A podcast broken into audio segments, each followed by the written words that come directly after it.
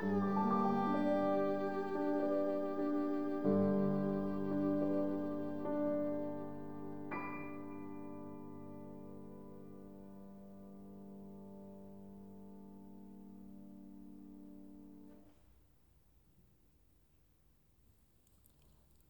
sæl. Þátturinn hófst með Habaneru eftir Maurice Ravel sem Régis Pasquier lék á fylgu og Brigitte Angéré á piano.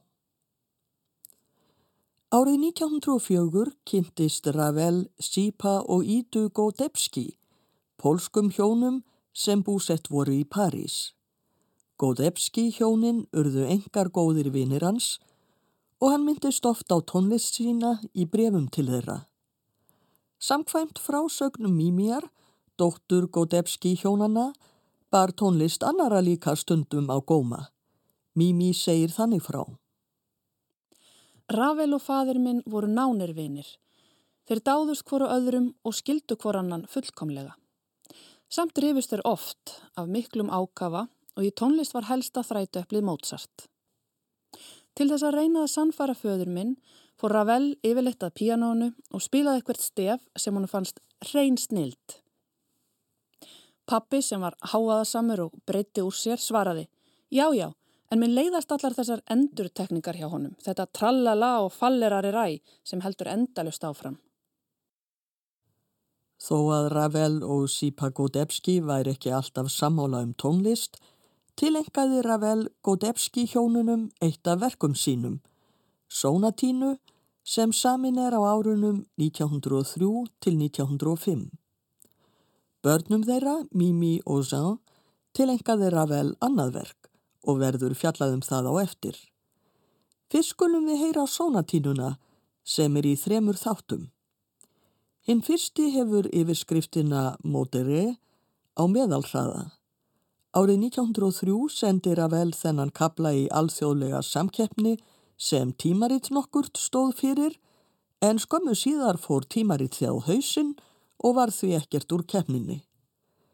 Annar kabli sónatínunar er menuett og þriðja kabla á að leika fjörlega anime. Pascal Roger leikur nú sónatínu eftir Maurice Ravel.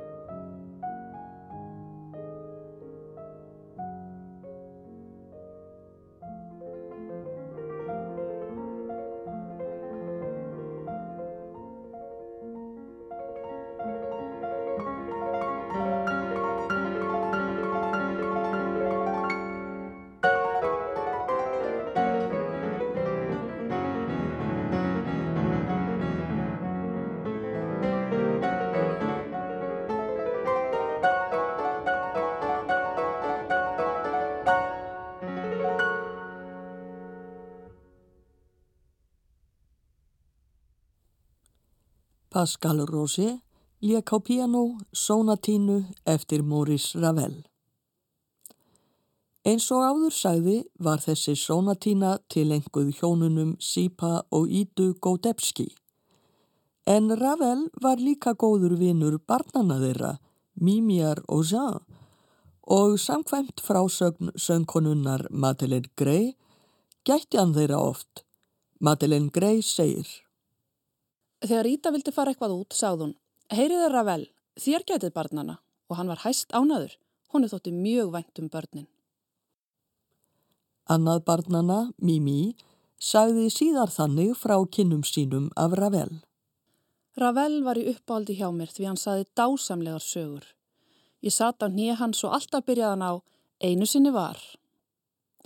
Og það var sagan af letur og nett, af fríðu og dýrunu og engum þó ævintýri lítillar músar sem hann hafi sjálfur samið handa mér. Árið 1908, þegar Mimi var nýja ára og Jean sjö ára, byrjaði Ravel að semja handa þeim tónverk byggt á ævintýrinum. Úr varð Svíta sem hlaut nafnið Ma Mère Loi eða Gæsamamma en þekkt franst ævintýrasafn heitir Sögur Gæsamammu.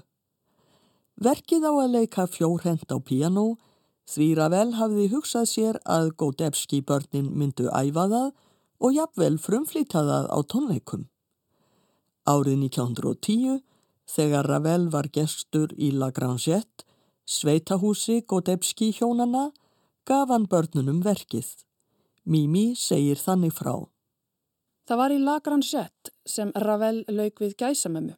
Að minnstakosti gaf hann okkur verkið þar En við bróðir minn vorum ekki nógu gömul til að kunna að meta þessa tilengun og við litum frekar á þetta sem eitthvað sem útheimti mikla vinnu. Það er greinilegt af frásögn mýmjar að börnin voru ekkert sérstaklega hrifin af því að eiga að æfa gæsamömmu svítuna og líklega hafa þau ekki verið mjög dugleg við æfingarnar að minnstakosti voru það ekki þau sem frumfluttu verkið á tónleikum 20. apríl 1910 heldur tvær litlar stúlkur, Jeanne Leleu og Geneviève Duronie. Jeanne Leleu var þá 11 ára gömul og Geneviève mun hafa verið 6 eða 7 ára. Við skulum nú heyra annan kablaverksins leikinn fjórhend á piano. Kablin heitir Le Petit Poussi eða Þumalingur. Franska ævintýrið um Þumaling er nokkuð líkt ævintýrinu um hans og Gretu. Farið er með þumaling og bræður hans út í skó þar sem þeir eiga að bjarga sér sjálfur. Þumalingur hefur stráð brauðmólum á stígin til þess að rata aftur heim en fugglarnir geta brauðmólana. Í tónlistinni má heyra söng fugglanna.